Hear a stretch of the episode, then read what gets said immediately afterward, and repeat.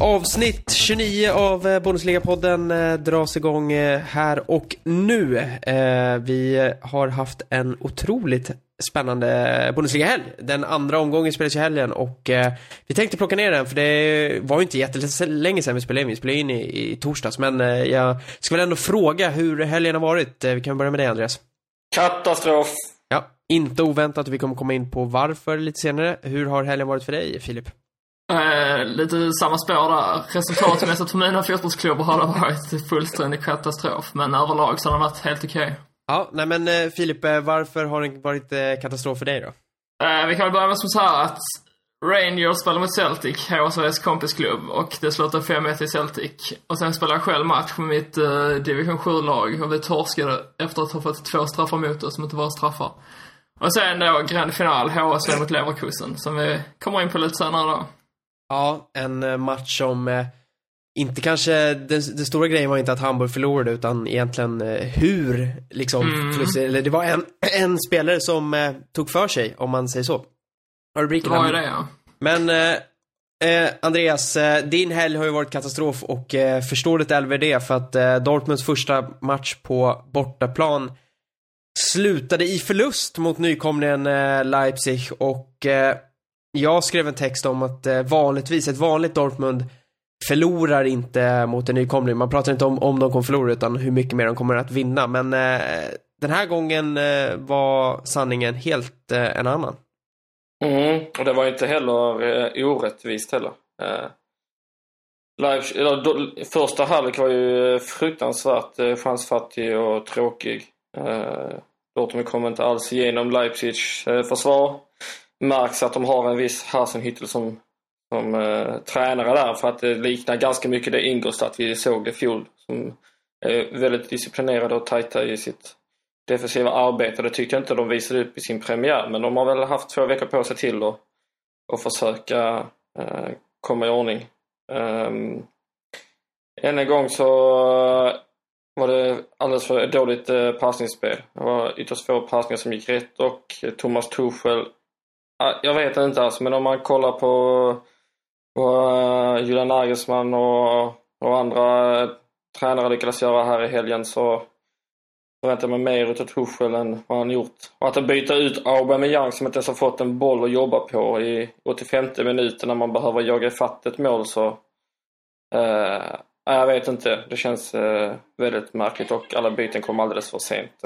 Eh, tidningsrubriken har ju verkligen varit väldigt inriktade på, utöver då att det var väldigt speciellt med att Leipzig vann, eh, men eh, sett i Dortmund så har det, ju, har det ju verkligen handlat om att Tuchels matchcoachning eh, har, få, äh, den har fått väldigt mycket kritik.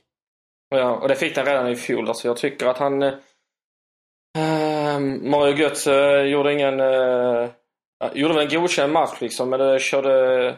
Hade liksom inga passningsvägar egentligen och Eh, Gonzalo Castro tillförde ingen som helst form av eh, eh kreativitet eller sådär framåt. Eh, men då kommer Guerreiro och Dembele liksom i, ja, jag tror det var 20 minuter kvar eller någonting. Eh, vilket känns alldeles för, för sent för vid det läget så ska ju Dortmund redan eh, ha spelat hem en, eh, en seger mot Leipzig om man ska vara krass liksom, i normala fall mot en nykomling. Eh, Hasenhüttels byten gick ju istället väldigt väl ut. Eh, där Forsberg och nyförvärvet Oliver Burke och Naby Keita eh, till sist då var, var de tre spelarna som låg bakom eh, eh, det avgörande målet då. Ja, eh, kul där också med Oliver Burke att eh, tränaren Hassan Ytterl hade sagt att hans, hans hårddisk är helt tom när det kom till, till gegenpressing och annars, annars var det positivt. Men jag tycker det var ett kul uttryck att säga och det, det säger väl lite om hur han har skolats eh, Burke i England. Men Eh, bara så här för att liksom summera upp Dortmund, eh, liksom sidan av det. Hur, vad ska man säga, hur, hur går man vidare från det här? Jag menar, det är sagt, du pratar om att matchcoachningen, eh, att Tuchel har kritiserats för det förut. Nu förlorar de mot Leipzig. Det såg, eh, det var en av de sämre insatserna vi har sett av Dortmund på, på senare år. Eh, vad ska man ta vägen nu? Nej, men jag tror att Tuchel måste rannsaka sig själv också. Han, citerade, eller han citerades efter matchen där han sa att han har lärt sig mycket om sitt lag idag. Liksom. Eh, men han måste också eh, kunna ta till sig den här kritiken och, och se vad han kan förändra. Eh, det finns inga skäl som helst att byta ut en Aubameyang i 85 om det är så att han är skadad, helt slutkörd eller, eller så. Och, eh, också konstigt att man eh, tar in en eh, ganska sval Ramos när det sitter en eh, Christian Pulisic på bänken som gjorde två baljor för, för landslaget ett par dagar innan. Jag tror att det är det som jag... Sen så är det som vi har sagt innan säsongen, liksom, att det kommer att ta tre, fyra, fem matcher här innan Dortmund verkligen ser ut som ett sammansatt lag. Men det var en väldigt risig insats här och eh, inte direkt för att man kommer gå in med världens bästa självförtroende här när Champions League drar igång. Mm. Du är ju inne på någonting där att det, det, det har ändå skett rätt stora förändringar i Dortmund i sommar. Det har kommit, framförallt har det kommit in väldigt mycket ny, nya spelare. Eh, jag är ju lite inne på att det här kommer att kosta poäng för jag, fyra, fem matcher tycker jag är lågt räknat sett till de förändringarna som ändå kommer behöva ske. Eh, jag skulle tro att det kommer ta betydligt längre tid för Torshäll att få in alla spelare i sitt, i sitt tänk och system och att det kommer leda till att man stundtals gör sämre insatser för att allting inte är så sammanspelat så men är det försvarbart att man går och förlorar mot en nykomling eh, till följd av just att det har varit stora förändringar eller vad, vad tror du det beror på eh, att man förlorar? Och jag kan, eh, Filip, du kan väl få på in och se det. Hur ser du på liksom förlusten och Dortmund i stort? Var, varför förlorar man mot Leipzig? Först och främst får man väl säga att Leipzig inte är vilken nykomling som helst. På förhand där kan man inte trott att man skulle slå Dortmund, men samtidigt är jag inte jätteförvånad att man, eh, att man gick vinnande ur den här striden. Sen var det lite turligt man gjorde också. Det var ett mål 89 minuten som, som alltså, bollen hade lika bra kunnat rensats bort om man sa som så. Så det var inte det här heller någon överlägsenhet. Men det var en ganska jämn match överlag och, och ja, att man får ett tålamod med Dortmund. Det är som du säger, det har kommit många nya spelare, man bygger inte ett nytt lag över en säsong, utan detta får man eh, bygga vidare på. Mycket unga spelare som behöver få tid och, och få förtroendet att komma in i det. Så jag tror att, alltså två år kanske man får ge Dortmund sen är de där de var för fem, sex år sedan. Men just nu så, så känns det väl som att man, man, har, man håller på att bygga något nytt helt enkelt och det kommer som sagt ta tid. Jag vet inte vad man mer ska säga riktigt. Nej, eh, Andreas har ju summerat upp det rätt bra. Men eh, Filip, eh, Leipzig då, som sagt, gjorde det väldigt bra. Vad, vad tror du liksom om deras resa framöver? För att det, vi har väl alla varit lite skeptiska inför liksom deras sommarfönster sommarfönster. Sen nu tyckte jag till exempel att som Timo Werner såg väldigt, väldigt bra ut. Men eh, hur mycket, jag menar en seger mot Dortmund är en riktig fjäder hatt, den första Bundesliga-segern i historien för klubben. Var, eh, var placerar du Leipzig just nu sett till, till motståndarna? Är de så pass bra att de faktiskt skulle kunna konkurrera om en Europaplats? Eller är det, var det en tillfällighet att man slog Dortmund just den här helgen att vi kommer få se eh, att vi inte kommer få se lika starka resultat framöver? Eh, jag kan ju inleda med att säga att jag satte ju Leipzig på en elfte plats när jag tippade årets tabell och det kan jag väl hålla fast vid efter just denna matchen också. Att jag tror att man kommer sluta på en ganska så säker plats utan att man är med i toppen och, och slåss som eh, ja, Emil Forsberg sa till mig när jag intervjuade honom att, att man hade som mål att vara. Men eh, jag tror att man kommer ta en hel del trepoängare och, och kunna utmana vissa av de här topplagen som nu Dortmund. Samtidigt som man säkert kommer kunna förlora mot eh, mindre lag också. Det, vi sa ju förra säsongen i Schweiz att de var ju väldigt ojämna och efter deras sommar då, där de inte har fått in så värst mycket spelare, så tror jag att det kommer att uh, sitta kvar även under denna säsongen och att vi kommer att få bjudas på en väldigt, väldigt svängiga resultat när det kommer till Leipzig. Och det är väl återigen, som, eller precis som med Dortmund där, så kommer det ta tid innan Leipzig är en riktig toppklubb, men eh, det kommer de säkert att bli. Och den här segern påvisar att man verkligen har någonting på gång och att man är att räkna med i framtiden. Mm. I eh, den stora snackisen nästan efter, utöver då allt det andra, men det som du har pratat om mycket i efterhand var ju det som skedde egentligen inför matchen när Dortmund-supportrar som hade köpt biljetter till hemmasektionerna, eh, framförallt sektion D då som är en långsidig sektion, eh, tänkt för hemmapubliken, de eh, fick ta av sig sina Dortmund, alla som kom dit i Dortmunds liksom matchställ liknande, fick ta av sig tröjorna och gå in i bara överkropp på arenan. Eh, Andreas, vad säger du om det beteendet? För det, det här är, det är ingenstans i Tyskland som det är så här. Att man så nitiskt liksom tvingar av folk deras matchtröjor och liknande när de har motståndarkläder på sig. Det är ju jävligt, jävligt pinsamt. Eh, Det enda jag kan tycka är alltså... eh, vet, eh, svårt liksom, det känns eh, inte som att eh, det har ens med säkerheten att göra liksom när det handlar om vanliga eh, lång... Eh, hade det varit på ståplatsen, eh, hemmafans ståplats, visst absolut men men när det gäller liksom en vanlig sittplats på långsidan liksom, då är det ju bara, det är bara pinsamt. Och var ska man dra gränsen liksom? Eh, om jag hade haft en gul, mörkgul pikétröja på mig liksom, hade jag inte fått sitta där då? Eller är det just att det är en, en tröja med emblemet på? Eh, jag tycker det är väldigt eh, märkligt och ännu eh, liksom tecken på att just Leipzig och Red Bull som finns där bakom inte är några aktörer som vi kanske är van, vana vid i, i Bundesliga. Det var många som påtalade till mig på Twitter när jag skrev att men det, här, det här är standard i England. Men då, då måste man ändå ta liksom lite så här att ja, England är England och de har haft sina problem och jag har förståelse för att det är så. Men det behöver ju inte betyda att det är liksom en bra grej eller att det är någonting tyskarna ska vända sig vid. Och sen får man mm. också ha i åtanke att just den här typen av grejer med den historia Tyskland har och det, det kan låta fånigt men ibland så just sådana här typer av grejer är rätt eh, det är rätt svårt att få igenom i Tyskland för att man har en historia av just eh, den här typen av saker som inte har lett till positiva saker rent politiskt. Jag har ju svårt att se vad det gör för skillnad. Alltså jag kan ju fortfarande, oavsett om du har en Dortmund-tröja på det eller inte, alltså det är fortfarande uppseendeväckande om någon har bara överkropp. Jag kan ju fortfarande se att de är Dortmund-supportrar, så jag förstår inte. Syftet kan ju bara vara att få bort emblemet. Mm. Eh, snarare än liksom något annat, än att liksom det här man skulle se det som att det är uppviglat till våld. För då, jag menar, då jag kan fortfarande utläsa, okej, okay, de har bara överkropp, troligtvis Dortmund-supportrar, om man har den här regeln. Filip, hur eh, ser du på den här händelsen?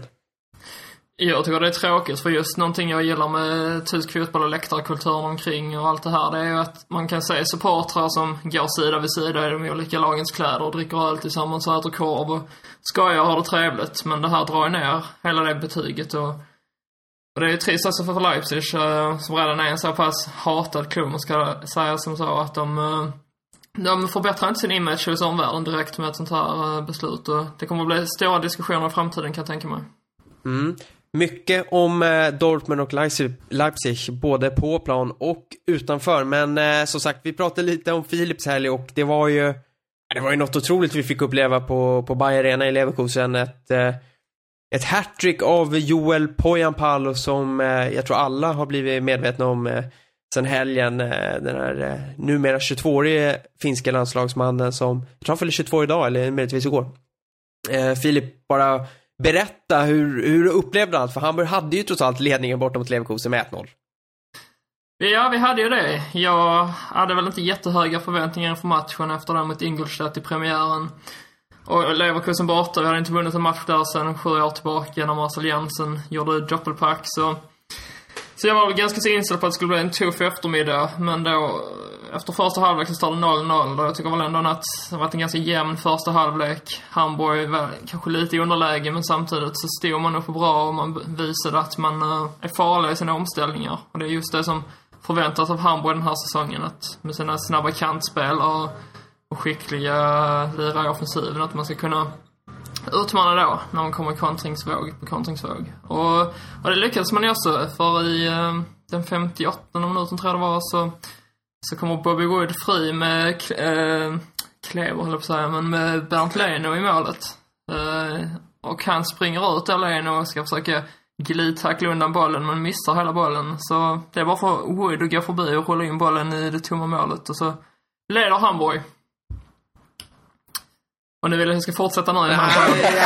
det, det, det, alltså Bernt Lenos miss är ju otrolig i, i sig. Han springer ut och har egentligen, det, det ser ut som att han har full kontroll över situationen men han, han verkligen totalt missar bollen. Han måste, ju, han måste ju ha blundat och trott att han skulle få en smäll i huvudet eller någonting. Ja, det, det såg väldigt, väldigt underligt ut för att det, det, var liksom, det var inte en situation där han han, han, borde inte missa bollen på grund av stressen utan han var ju tydligt före men nej, det, det, han misstajmade helt och hållet. Men som sagt, Hammer upp i ledning 1-0. Lewis Holtby får gå ut skadad. Mm. Eh, kommer Albin Ekdal. Som eh, hade en eh, tuff dag på jobbet. Ja, minst sagt. Han gjorde väl ingen glad om man ska vara riktigt ärlig. Eh, Holtby tycker jag gjorde en helt okej match i alla fall. Han eh, har varit borta ett längre tag, precis kommit tillbaka skadade sig på försäsongen när han trillade av en cykel när de eh, var ute på cykeltur i Alperna. Och missade typ hela försäsongen och kom tillbaka för några veckor sedan och har hunnit spela de här två träningsmatcherna som, som var nog under landslagsuppehållet och fick då starta tillsammans med Hunt på det defensiva mittfältet. Eh, och Ekdal har alltså varit borta ett tag. Det är vi vana vid. Och nu var han, det är också tillbaka men eh, men ja, som sagt, han gjorde ingen glad. Det var inte mycket han lyckades uträtta på den dryga halvtimmen han var på plan. Desto mer lyckades en viss Pocahontas i Bayer Leverkusen utföra som uh, kom in några minuter senare. ja, men uh, Poyan Palo kom in i någonstans, var det, när det var en kvart kvar ungefär? Ja, uh, ungefär. Tror jag. Och uh, kvitterade, gav Leverkusen ledningen och utökade också ledningen under sitt inhopp. Och det är ju det första målet eh, är ju vad det är. Jag tycker personligen att hans andra mål är, det är otroligt snyggt är och skickligt. Fantastisk teknik. Ja, en boll som kommer in i, i rätt hög fart där han får någonstans lite håll, luta sig bakåt med kroppen men ändå framförallt det är ett otroligt tryck i, i skottet och sen så är ju Hamburg ner för räkning liksom och då, då sker 3-1 när de försöker gå på för en kvittering. Men först och främst den här, Poyan Palo är ju liksom inte, det är ju inget household name i, i Bundesliga. Han har ju varit i Leverkusen i, i tre år, men har främst varit utlånad till eh, Düsseldorf och sen så är det någon annan klubb som jag inte kommer på så här på, på rak arm. Men har ju inte gjort något avtryck i, i Zweite Bundesliga och hade det svårt i Düsseldorf förra säsongen. Var på väg bort i somras också när han själv sa att nej men jag, jag vill stanna och eh, och slåss om en plats och det berodde väl på att han haft en tung säsong i Düsseldorf och kände att det var bättre att stanna än, än att gå på ett halvdant lån igen. Och eh, klubben gav honom chansen och tack vare, om man nu kan säga så då, i hans fall tack vare, eh, men i vissa fall kanske på grund av att eh, Stefan Kiesling eh, satt eh, på läktaren och eh, Chicharito eh, haft en eh, rätt eh, skadedrabbad försäsong. Så har han fått lite chansen och här hoppar han in och, då, och sätter tre baljer. Det, det är högst oväntat men eh, vad ska, alltså följderna av det här eh, är, kommer liksom, är det här genombrottet vi ser nu? Vad tror du Andreas? Alltså det är ju eh, man ska ju tillägga det också att han hoppade in även i premiären mot eh, Mönchengladbach gjorde mål även där. Så att han eh, har ju gått upp i delad skytteliga här nu med Lewandowski. Um, Kevin Folland finns ju också, han var inte heller med i den här matchen. Och Leverkusen har ju extremt, eh, eh, vad ska man säga, extremt eh, bred anfallsmaterial eh, eh, nu. Ehm, jag har ju svårt att se på lång sikt att Bojan Palo ska fortsätta stänka in mål för Leverkusen och att, eh, att ens Schmidt kan liksom pet, peta Chicarito Holland och, och, så vidare liksom här. Um, men han kanske gör sig, eller bevisligen gör han sig väldigt bra som eh, någon form av inhoppare då. Eh, men visst, det känns ju svårt att peta någon som har gjort eh, fyra mål på ungefär eh, en halvtimmes spel liksom på två matcher. Ehm, men eh, ett angenämt problem tror jag för Schmidt. Mm. Får man känslan av att eh, Hamburg kommer vilja låna på en pall vintern? Alltså jag skulle precis säga det att det hade inte förvånat mig om han dyker upp i typ Hamburg. Om inte var för att vi har fått in de här eh, många, många miljonerna så hade det inte eh, förvånat mig ett dugg om han hade presenterat så hade man visat något sånt här klipp därför när han gjorde sitt hattrick mot oss och varit hur stolt som helst över att fått in honom. Mm. Alltså jag, jag vet att jag, många hyllade ju Poyan Palo och, och tänker liksom snabbt att men det här skulle bli något. Vi har ju sett till exempel Branimir Gota gjorde ju ett hattrick mot Mainz för eh, en tre år sedan tror jag det var och eh, det var inte så att hans karriär eh, drog iväg all världens väg efter det. Det. Det är svårt. Det är en sak att prestera i en match och det är klart man kan göra det men på lång sikt så är det svårt. Men han är ju räknat som en av de största talangerna inom finsk fotboll någonsin. Säger det någonting? Ja, Littmanen eh, ja, får ju ändå ge Teemu Pukki. Ja, ja, Teemu Pukki. Men Littmanen tänker jag ändå att eh, det finns ju lite. Men ja, Sami Hypia. Det var, det var fascinerande och eh, Leverkusen, man får säga att de, de, ja, de låg lite illa till men Poyan Palo räddade upp det där. Eh, minst sagt. Så att eh, era två lag har verkligen varit involverade i två matcher som, eh, ja, som man kommer ihåg från den här helgen. Ett annat resultat som överraskade var ju Freiburg som besegrade eh, Mönchengladbach med 3-1 och eh, Gladbach fortsätter den här otroligt dåliga bortatrenden som de har haft egentligen hela tiden sedan André Schubert tog över som eh, tränare. Eh, häpnadsväckande att Gladbach, som ändå är ett lag som man tror ska kunna slåss om Champions League och är med i Champions League i år, eh, har ledningen med 1-0 borta mot en nykomling som Freiburg och i slutändan förlorar med 3-1, eller hur Filip? Verkligen, det trodde jag ju inte på förhand. Jag agerar ju bettingexpert på uh, Football United när det kommer till tysk fotboll. Och jag såg att det stod uh, två gånger pengarna på en Gladbach-seger och jag kände ju att det här är ju liksom till att ge bort pengar. Men, uh, men nej, den, den dåliga formen skulle visst hålla i sig även det här året verkar det som. Sen kanske man inte ska dra allt för stora växlar av just den här matchen för Freiburg var väl väldigt taggade också på sin första hemmamatch. Man förlorade ju mycket snopet den första omgången bortom mot Hertha Berlin efter ett eh, baklängesmål på sista sparken. Så, så de eh, ville väl verkligen vinna denna. Och, ja, men jag vet inte, det känns, det känns som att Gladbach har många frågetecken att räta ut och jag är inte helt övertygad om att André Schubert är rätt tränare för laget. Nej, på de senaste 11 bortamatcherna så har Freiburg, Freiburg Gladbach eh, åtta förluster, två oavgjorda och en seger. Och segern kom mot Darmstadt i slutet eh, av förra säsongen. Andreas, eh, André Schubert eh, och Gladbachs bortaproblem, vad, liksom, vad beror det här på? De är ändå väldigt bra hemma. Mm, jag tror att det framförallt beror på att de är väldigt bra hemma. Att det är där de har sin styrka snarare än eh, svagheten på bortaplan. Sen så ska de ju... Eh, de är ju ett bättre lag på pappret än, än Freiburg men eh, just den här matchen var man ju Eh, inte sådär tillbakapressande egentligen liksom, men hade svårt att komma till, eh, till avslut medan eh, deras eget försvar eh, var desto eh, eh, ihåligare faktiskt. Um, Schubert har försökt tänka lite nytt här den här säsongen med en eh, ja, fembacks eller trebackslinje beroende på hur man ser det. Um, har inte fallit sådär jätte... Jag tyckte det såg bra ut i premiär mot Leverkusen såklart men eh, uh, att släppa in tre mål mot Freiburg borta är kanske inte ett uh, gott tecken. Uh, samtidigt som Petersen och uh, Filippe inte är så en vansinnigt isel, uh, isla anfallsspelare som, som i den här matchen nätade för Freiburgs del. Nej, och i Petersens fall så var det lite revansch för att han fick sätta en straff. Han missade ju i OS-finalen där mot eh, Brasilien, så det var ju... Någon... Ungefär samma sak. Ja, men ungefär. Men det var, det var rätt eh, fina scener när eh, Freiburg-fansen verkligen skanderade hans namn för att han skulle slå den där straffen. För det var nog inte helt säkert att han skulle göra det, men han gick fram och dundrade in. Det var nog rätt skönt för självförtroendet att, att få göra det efter ändå ha missat en så avgörande straff som det var i OS-finalen. Men... Så sagt... inte du hade koll på OS?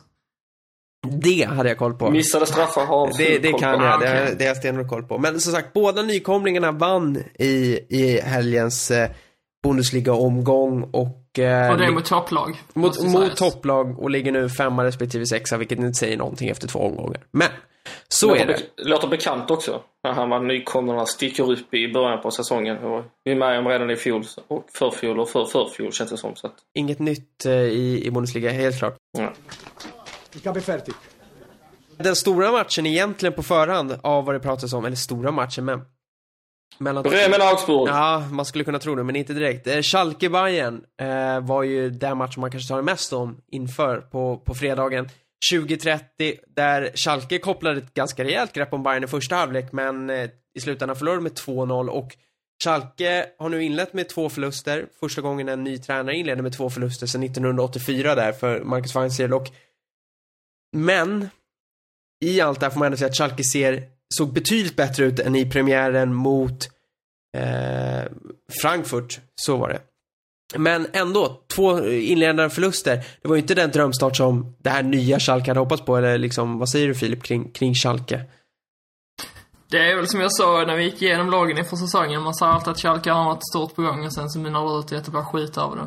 Men nu var det visserligen Bayern man mötte så det är väl det kan väl ursäkta för att de förlorar, men eh, två eh, matcher, noll poäng nu inledningsvis, det är ju inte någonting att hurra över och jag tror väl att det kommer att fortsätta gå ganska så knackigt eh, för Schalke, även om man i slutändan lär knipa den, den här eh, Europaplatsen. Sen om det blir Champions League eller Europa League återstår sig, men jag tror att det blir Europa League.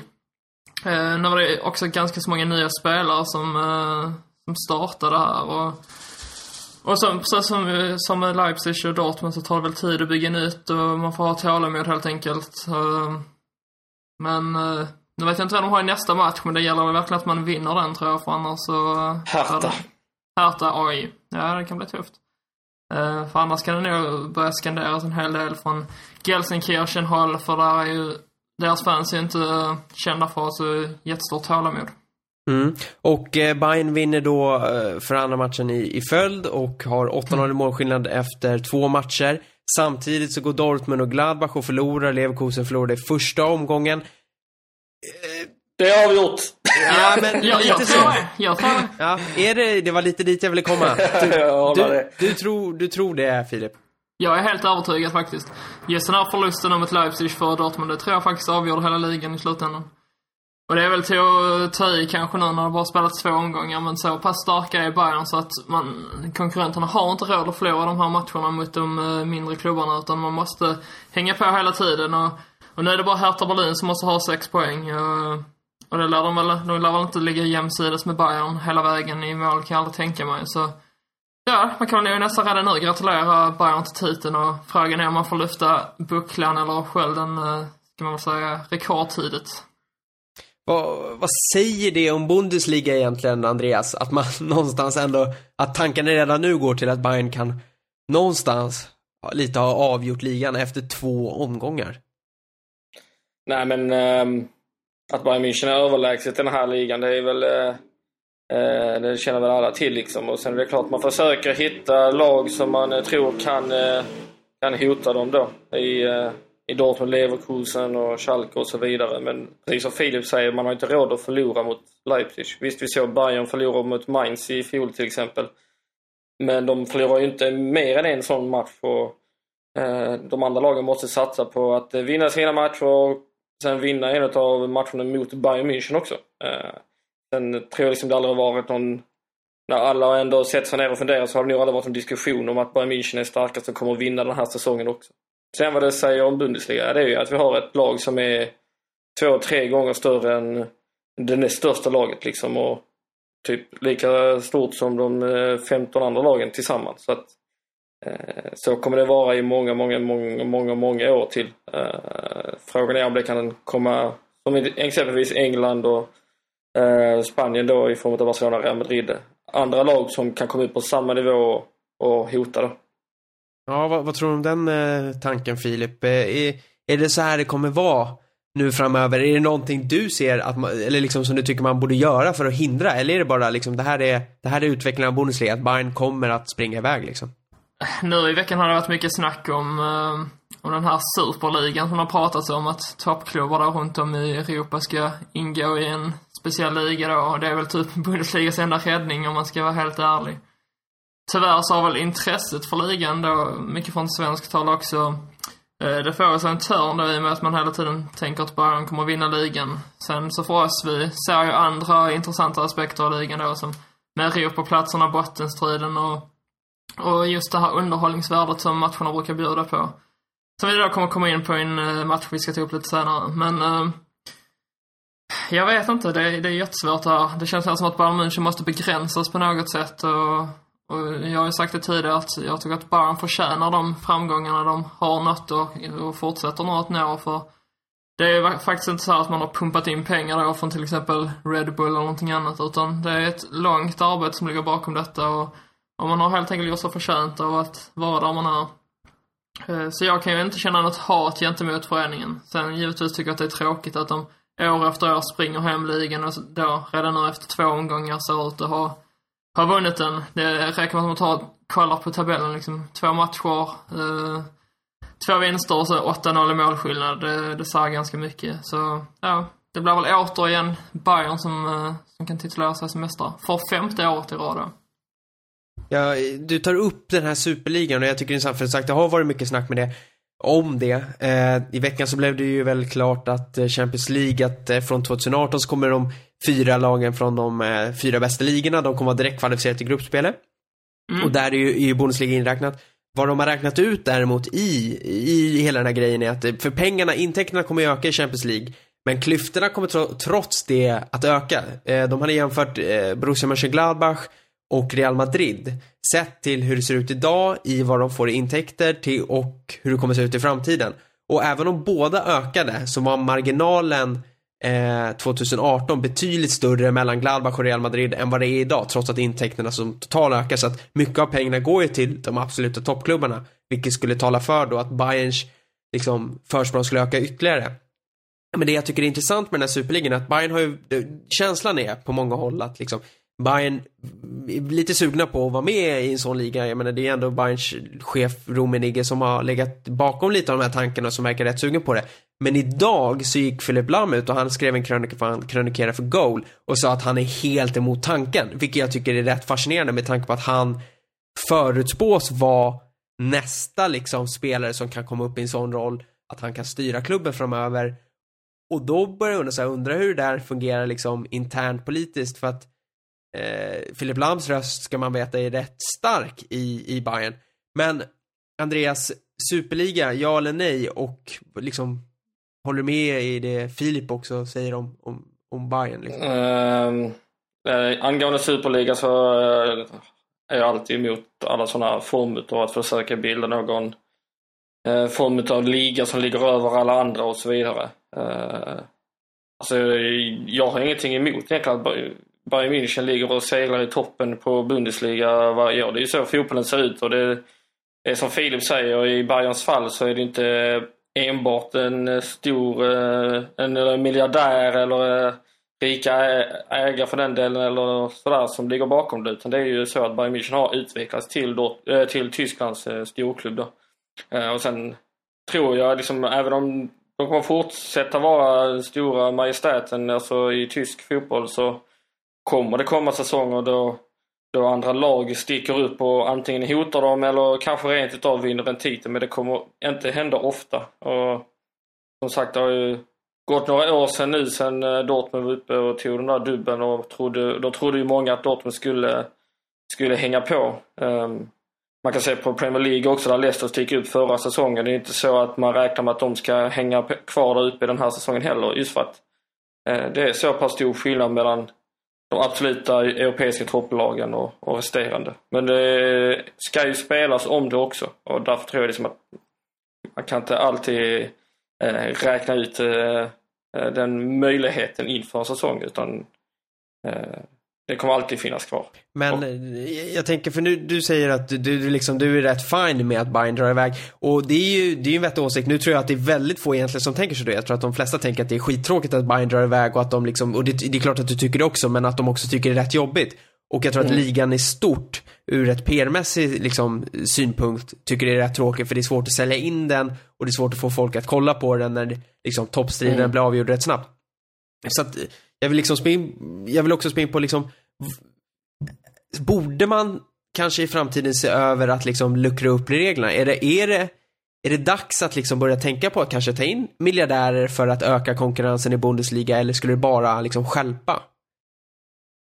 Nej, sen har vi ju den där eh, miljardärfrågan och ägarfrågan har ju diskuterats också i form av då Leipzig, Wolfsburg och så vidare och Leverkusen där. De här Verkself och så vidare som har känns som att det hänger på ett eh, ett grästrå där liksom. Eh, det där pratas om är ju lönetak också, också men samtidigt, eh, Bundesliga kan inte bara kolla på sig själv också. Man måste ju kolla på vad andra, andra ligor gör. Eh, vill vi att det ska se ut som i Premier League? Nej, kanske inte. Eh, men man vill bevara det i, som finns i, i Bundesliga idag. Eh, snarare försöka förstärka de andra lagen liksom. Alla kan väl jobba sig upp till Bayern Münchens nivå bara man får tid på sig liksom. Men eh, som sagt, jag tror inte att det är någon finns någon genväg till att de andra lagen, eller till att Bayern München inte ska vara den här eh, dominerande kraften i, i Bundesliga. Men om Bayern München är trötta på att vinna, ja visst, då kan de väl gå med i en superliga. Men jag tror inte att de liksom har riktigt trötta på det heller.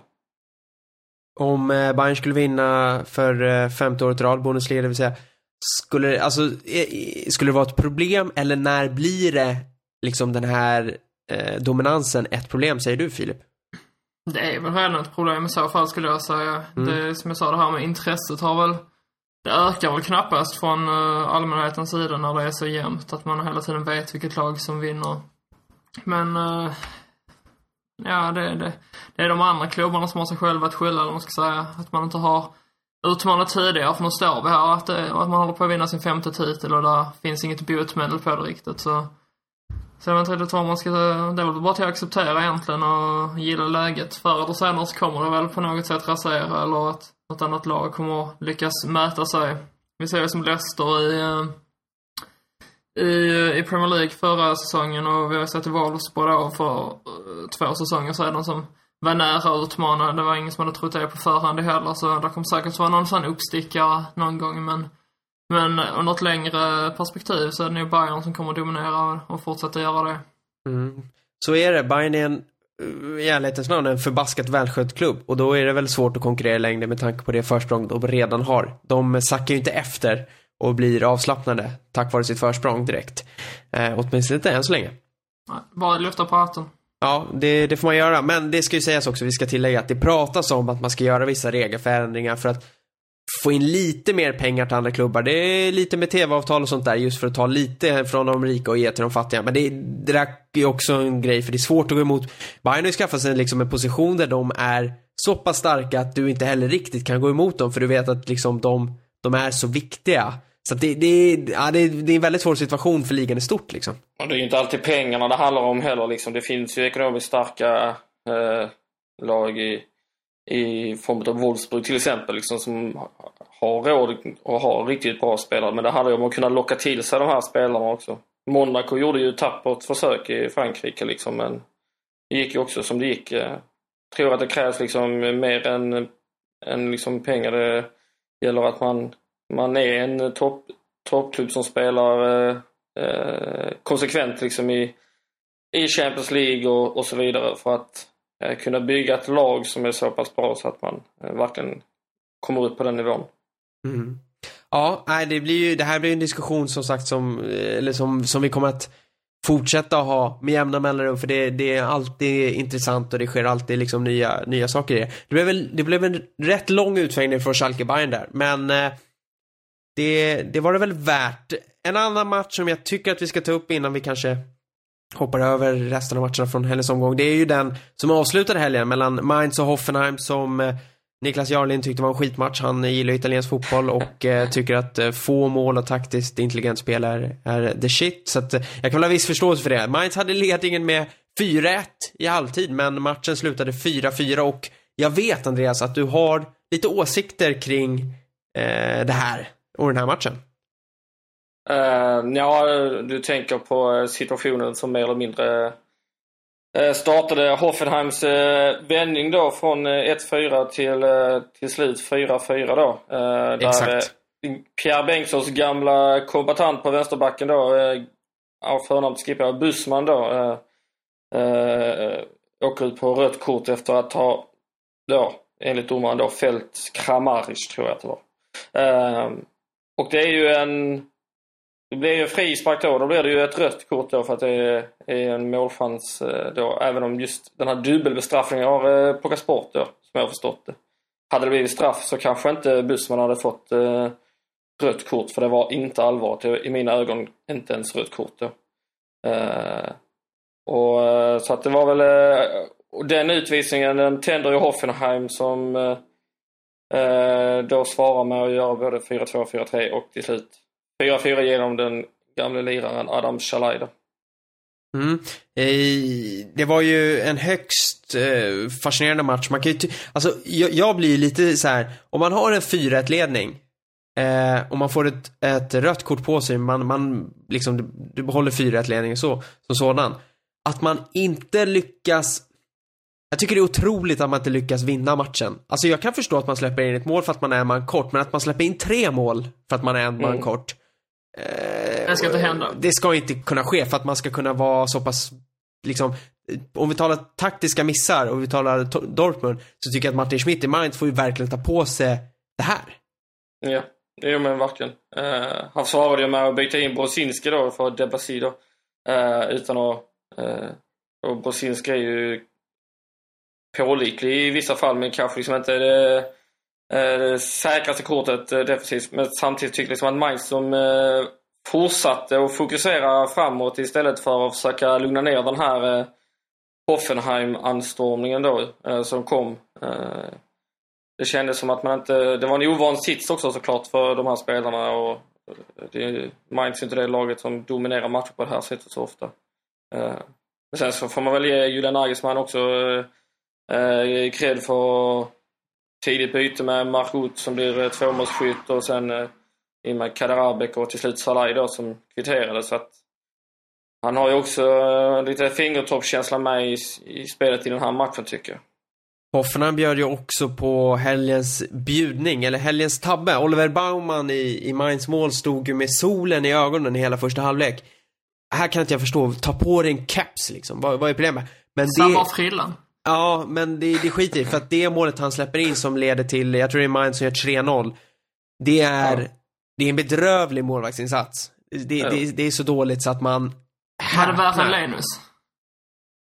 Ja, det var, det var faktiskt värre än Bartlenos tycker jag. Ja, det, det är för att det, det, Han har ju den i skopan ju. Han har den i skopan och det, det är knappt styrfart på det skottet och han liksom välter in den. Ja, det, det är så konstigt. Det är så konstigt i målet och det är för att han inte riktigt ser bollen. Men han, han är ju där, bara att han äh, det, det ser jättetaffligt ut. Eh, det är värt att bara kolla upp för att det, det ser väldigt konstigt ut.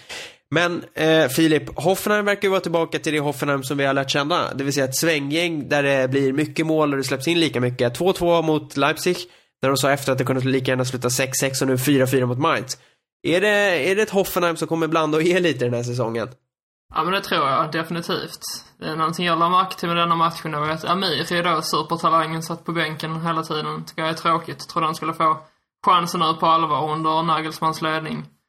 Och samma sak med Demirberg som också är fast på bänken. Två spelare med stor potential som, som jag tror kan göra en del skillnad för laget, bara de får då chansen. Men, men ja, Rudi och, och Rupp går väl före vad det verkar. Mm. Det blir spännande att följa. Vi ska också nämna, nu kom jag på det, men eh, Hertha måste vi nämna den här helgen. För det är det enda laget utöver Bayern München som har tagit full pott hittills. Uh, uppe på 6 poäng efter att ha besegrat Ingolstadt i helgen med 2-0. Och Vidar Devisevic gjorde mål mot Ingolstadt har nu, nu gjort mål mot alla lag förutom Leipzig i, i Bundesliga. Så att, uh, det är bara de kvar på stryka av, att stryka av på listan. Men och det, är alltså bästa start någonsin. Är det det? Japp. Har de aldrig inlett med två segrar förut? Nix. Spännande. Bra. Men det som jag vet att du ville prata lite om Filip och det, det är väl högst relevant är att eh, de har förlängt med sportchefen Michel Preetz eh, som blir kvar i ytterligare två säsonger, om det stämmer? Ja, precis. Förlängt två Och eh, det säger ju någonting om var liksom Hertha siktar nu. För att han har ju suttit på posten rätt, rätt länge men varit rätt osäker. Nu förlänger man med två år. Eh, liksom vad, hur, vad ser du Hertha i framtiden och vad betyder den här förlängningen med Preetz? Eh, ja, förra säsongen var ju ett enormt utropstecken för hela klubben får man väl säga då. Även om man till slut blev sjua. Men, men nu har man inlett den här säsongen också starkt och det verkar, det verkar som att man har någonting på gång minst sagt. Eh, inte bara Schalke-snack här utan, utan det är på allvar. Eh, och nu när man förlänger honom bevisar man också att man tror på konceptet och, och får man nu bygga vidare på detta, och behålla sina spelare som man gjorde i somras och, och värva in lite nytt folk när det behövs så kan det nog bli riktigt bra. Jag har ju saknat att ha den här stabila huvudstadsklubben i, i Bundesliga. Det har ju varit brist på det tidigare år, men nu ser vi ut att kunna få det slutligen. Andreas eh, Herta var ju länge i snacket om Champions League förra året, var uppe på, på en tredje plats länge. Eh, föll bort och hamnade till slut på kvalplats till Europa League och där åkte man ju ur mot Bröndby. Nu är de uppe på andra plats för två segrar. Eh, ska vi, och vi, vi har ju alla här varit tveksamma till om de ska hålla toppen, men vad, vad, vad tror du Andreas? Eh, kommer vi se Hertha slåss om de där Europaplatserna i år? Det kan dröja innan det liksom eh, eh visar sig, men en Champions League-plats i slutändan tror jag inte att de räcker till. Eh. eh sen eh, om de slutar 10 eller 6 eller 5 liksom, det, det, hoppet däremellan behöver inte vara så stort. De har ju de har ju en Vedar Ivicevic som i sina bästa stunder kan vara riktigt, eh, riktigt bra att göra, göra målen åt dem liksom. Och, eh, det stora frågetecknet har varit defensiven men som här i inledningen har varit eh, eh riktigt bra. Um, att, eh, att de är på övre halvan, åtminstone snuddar på den, är ingen diskussion men jag tror liksom inte att de kommer att vara nere och slåss om, om några nedflyttningsplatser. Nej, Hertha besegrade alltså Ingolstadt borta med 2-0 och har 6 poäng efter två matcher. Eh, vi ska bara nämna resultaten från de övriga tre matcherna som jag inte tycker att vi ska gå in särskilt extra på för att det finns egentligen inte sådär jätteintressanta och stora grejer att säga om det. Bremen... Ja, en grej. Jaha, okej. Okay. Men du får dra matcherna först om du ja. vill. Bremen eh, förlorade hemma mot Augsburg med eh, 2-1 efter att ha haft ledningen med 1-0 men Augsburg vände på steken och eh, åkte hem med de tre poängen till Bayern. Wolfsburg fick eh, bara 0-0 hemma mot Köln. Mario Gomez var med från start men lyckades inte få till målskyttet. Såg däremot ut som att han kan komma att bli en riktigt värdefull del för att han hittade ett par lägen där men eh, inte riktigt eh, så att skotten satt de skulle. Och sen så var det ju det avslutande Hessen-derbyt mellan Darmstadt och Eintracht Frankfurt som slutade med seger för Darmstadt med 1-0 på Johannes Reimerstadion som den är döpt efter eh, en för detta supporter som tragiskt gick bort i våras till följd av cancer. Eh, Darmstadt gjorde mål i 90 minuten, en, ett inlägg som, eller det var tänkt som ett inlägg, men det satt klockrent Eh, i det bortre hörnet och eh, Darmstadt vann då eh, och tog sin första seger för den här säsongen i, i hemmaderbyt mot Frankfurt. 1-0. Andreas, vad var det du ville ta upp? Ja, det var ju det första mötet du pratade om här, Werder Bremen-Augsburg då, som jag har tjatat om. Men om man vill se maken på en eh, dålig domarinsats så skulle man kanske ha sett denna. Där eh, Astafilidis avgjorde matchen på frispark eh, då i 73 minuten. Um, och får jag bara säga det? Jag, jag kommer aldrig acceptera eh, att, fris, att målvakten inte tar dem i, i sitt eget hörn. Nej, nej. När ska okay. Tobni förstå? Ja, det är ju frågan. Det, det kom, men alltså, det skulle ju inte varit frispark. Alltså, eh, kommer inte ihåg vad det var som ramlade, om det var Finnbogason eller vad det var som ramlar eh, i, springer ut från straffområdet och kör döende svanen när eh, Sané står ungefär tre meter ifrån honom. Han är klart innanför straffområdet när han ramlar. Daniel Sieber dömer frispark till Augsburg och varnar Sané. Um, och det blir ju liksom totalt fel och så avgör då Staffilidis med att skjuta upp den där frisparken i, i bortre då. Ja. Det var ju ett gratis, eh, gratis eh, mål då där och eh, förvånande att det inte har varit eh, mer snack om den situationen. Nah, faktiskt. Det har varit snack om två andra. Dels så ska det vara, äh, vara en missad straff för Bremen i första halvlek. Eh, mm. de, de, gjorde väl mål på straff, eh, om jag inte helt ute och cyklar. Ja, Bremen. Eh, så mm. de fick en senare, men de skulle haft en till straff och de skulle haft ytterligare en tror jag i andra halvlek om jag inte minns fel för att Martin Hinteregger hade ner, eh, just nämnde Sané i sitt eget straffområde och det var en riktig brottning. Alltså det är ett famntag utan dess like. Helt onödan, men det, det sker. Så att eh, Bremen kunde mycket väl haft både två och tre straffar i den här matchen. Så att eh, domarinsatsen var undermålig, det har snackats en del om det, men inte om just den situationen du nämner faktiskt. Det, det, det är sant, den har de undvikit. Finns på YouTube säkert. Det är allting finns på YouTube. Allt förutom Bundesliga-podden. Exakt. Vi kan bli färdigt. Det har ju varit eh, flera svenskar i farten under eh, Bundesliga-helgen och i eh, Leipzig så hoppade Emil Forsberg in, eller hur Andreas? Det stämmer och var med i uppspelsfasen till det avgörande målet då, som vi sa, och jobbade väldigt bra defensivt och får sägas gjort en väldigt bra insats i jämförelse med hans inhopp i premiären då. Men fortfarande fastklistrad på bänken? Ja, så fastklistrad man kan vara efter två matcher men eh, det är inte helt omöjligt att han snart får chansen när schemat börjar bli tajtare och jobbigare och så vidare. Mm. Vi nämnde ju Albin Ekdal i Hamburg, Filip, hoppade in i 66 minuten och eh, ja, det, var, det var en svag insats som vi sa. Det var det. Blev rejält sågad i bild efter matchen. Uh, har ju bara mer att ge om man säger som så. Det är bara att glömma denna matchen. Han verkar inte trivas så bra borta mot Leverkusen. Förra året så gjorde han ju självmål som avgjorde uh, mötet då. Så uh, Leverkusen är väl lite hans spök, uh, spökmotståndare. Mm. Och uh, Nabil Baoui var inte ens på bänken. Han var inte med på bänken, eh, togs ut i truppen, men eh, det gjordes därför att eh, Bobby Wood var osäker på spel inför matchen, men han gav grönt ljus och då var det Bahoui som petades tyvärr. Jag tycker det var lite märkligt, tycker att Dykman skulle ha petats istället, men det är ju inte jag som är tränare som bekant, så blir det så. Mm. Eh, Jiloan Ahmad var inte ens med i truppen för Hoffenheim när de spelade 4-4 mot Mainz, som vi nämnde tidigare. Branimir Ergota fick spela 65 minuter för Frankfurt i förlusten mot Darmstadt och eh, hade en lite svagare insats än i premiären men eh, mer från starten som spjutspets. Han eh, verkar verkligen ha fått Niko Kovacs förtroende till, till en början. I Zweite Bundesliga kan vi säga att Simon Hedlund som värvats till Union Berlin satt på läktaren eh, lite småskadebekymmer men annars så var han tänkt att spela men fick tacka nej till att spela när Union Berlin vann mot Karlsruhe med, med 2-0. Och eh, sen så har vi våra svenskar i Braunschweig också där eh, Josef Baffo i, i, fick eh, hoppa in. Han har varit lite, lite på kylan den senaste tiden. Han har ju spelat en del men fick hoppa in först den 75 minuten.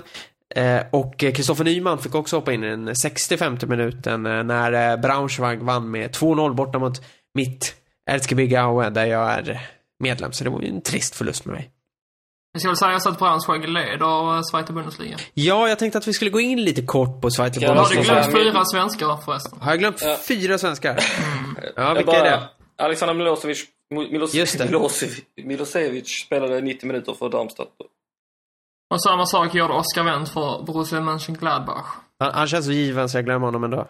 Och sen har vi två stycken eh, som kanske man inte tänker på direkt. Mikko Albonas, han är ju, tillhör Inte inte... svensk. Ja, men det får man nästan anse som en Han spelade 90 minuter för Hannover hur som helst. Som också... eh, Förlora. Ja, men det går bra för dem ändå. Ja, de förlorade faktiskt mot uh, Dynamo Dresden, men det går bra överlag. De är ju med i toppen och slåss i alla fall. Ja.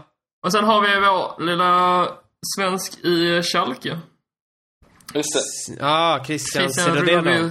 Precis. Han var ju inte med i truppen då, men han spelade 30 minuter för reservlaget när de förlorade med 5-0 mot Bonner SC.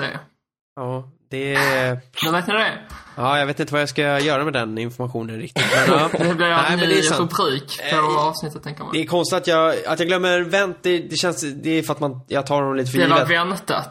Ja, oh. Ja, Den- Milosevic däremot måste jag ändå säga att han var faktiskt rätt bra av det jag sett från eh, Darmstadt Frankfurt. Verkade ha, eh, spelade upp sig, räddade bland annat ett mål. Eh, väldigt Ja. snyggt sådär. Så att, Slår eh, Frankfurt måste man ha gjort det bra. Ja, det måste man verkligen. Så det, det, var, det var mindre bra av mig att klämma honom. Ich habe fertig. I Zweite Bundesliga så är det ju Eintracht Braunschweig som leder. 12 poäng på fyra matcher, 12-2 i målskillnad och eh, Nyman och Baffos lag trummar verkligen på. Är det Braunschweig som ser ut att vara det hetaste laget? Eller det ser, de ser ju ut att vara det hetaste laget, men är det de vi tror kommer gå upp i slutändan? Vad, vad tror ni? Vad säger du Filip? Oj, det är ju en jättesvår fråga efter bara fyra omgångar. Men nog Du, så... Du, du sa ju precis att Bayern hade vunnit efter två Ja, men det omgångar. är för fan skillnad på Bayern München och Braunschweig. Eh, alltså, jag vet inte. Men jag tycker det, det här årets Zweite Bundesliga känns som att det kan bli en väldigt märklig historia. Speciellt om man då kollar i botten av tabellen där Kaiserslautern, Nürnberg och eh, Karlsruhe befinner sig bland annat. Och St. Pauli för den delen som förra året var en kandidat till att gå upp. Men, men ja, Braunschweig ser väl ut att vara ett av lagen och de har ju erfarenhet av spel i Bundesliga så det är väl inte omöjligt att de tar steget precis som kanske då Hannover och 1860 München kan man ju hoppas på, trots att Aigner är långtidsskadad. Mm. Ska ju nämnas det att Karlsruhe, Nürnberg och Kaiserslautern, Kaiserslautern som du nämner i botten, alla tre har ju en sak gemensamt och det är att de bytte tränare i, i somras. Eh, vi har ju sett att Hannover förlorade mot Dresden som är nykomlingar och ligger tvåa nu. Eh, jag har ju svårt att tro att Dresden ska gå upp, men det är kul att de är med i alla fall här till en inledning. Det- är, jag skulle vilja nämna lite, det är ju Stuttgart som vi alla vet som åkte ur eh, förra säsongen av Bundesliga. Redan nu har det börjat bli problem i Stuttgart för tränaren, Jos Lukai och den nya sportchefen som jag inte kom på namnet på så här på stört, har redan börjat hamna i luven på varandra så det sägs vara rätt dålig stämning.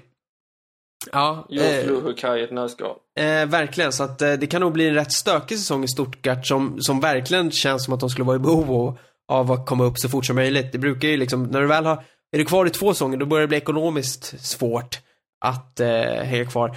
Men eh, i toppen av Zweite Bundesliga nu, alltså Braunschweig följt av Dresden, Hannover och sen de här Würzburger Kickers. Även de nykomlingar och eh, om Andreas talar om att nykomlingar är starka i Bundesliga så är de ju rätt starka i Zweite Bundesliga också.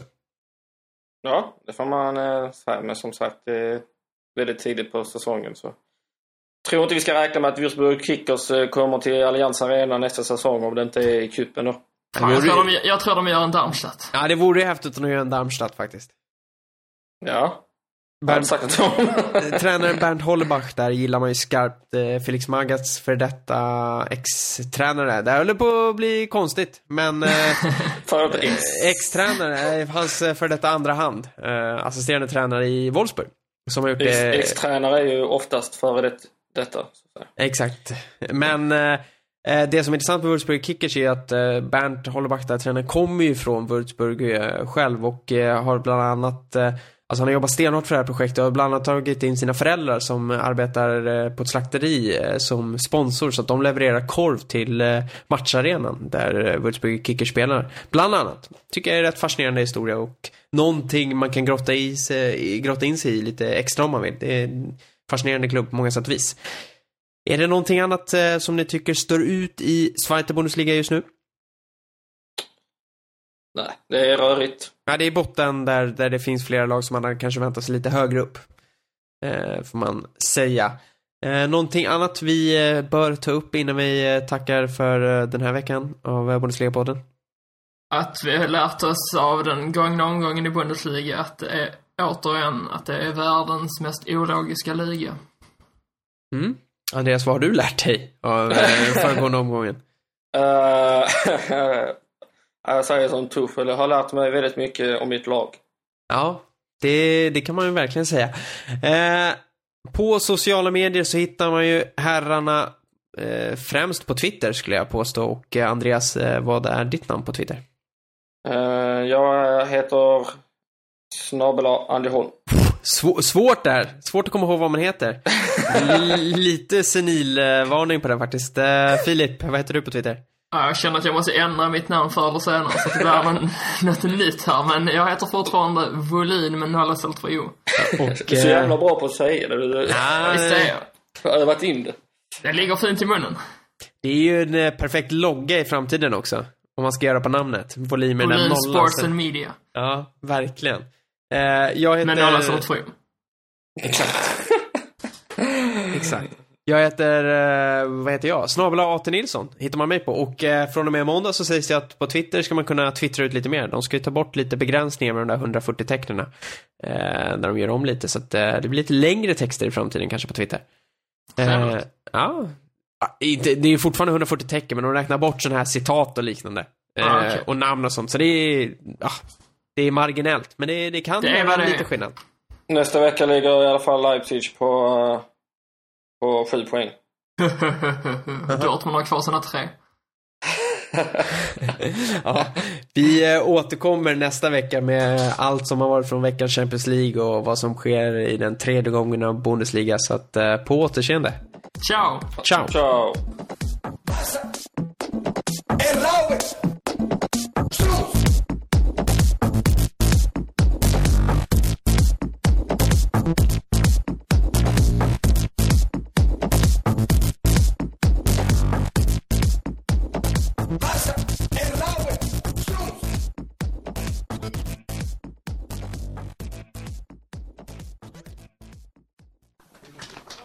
Cape Fertic.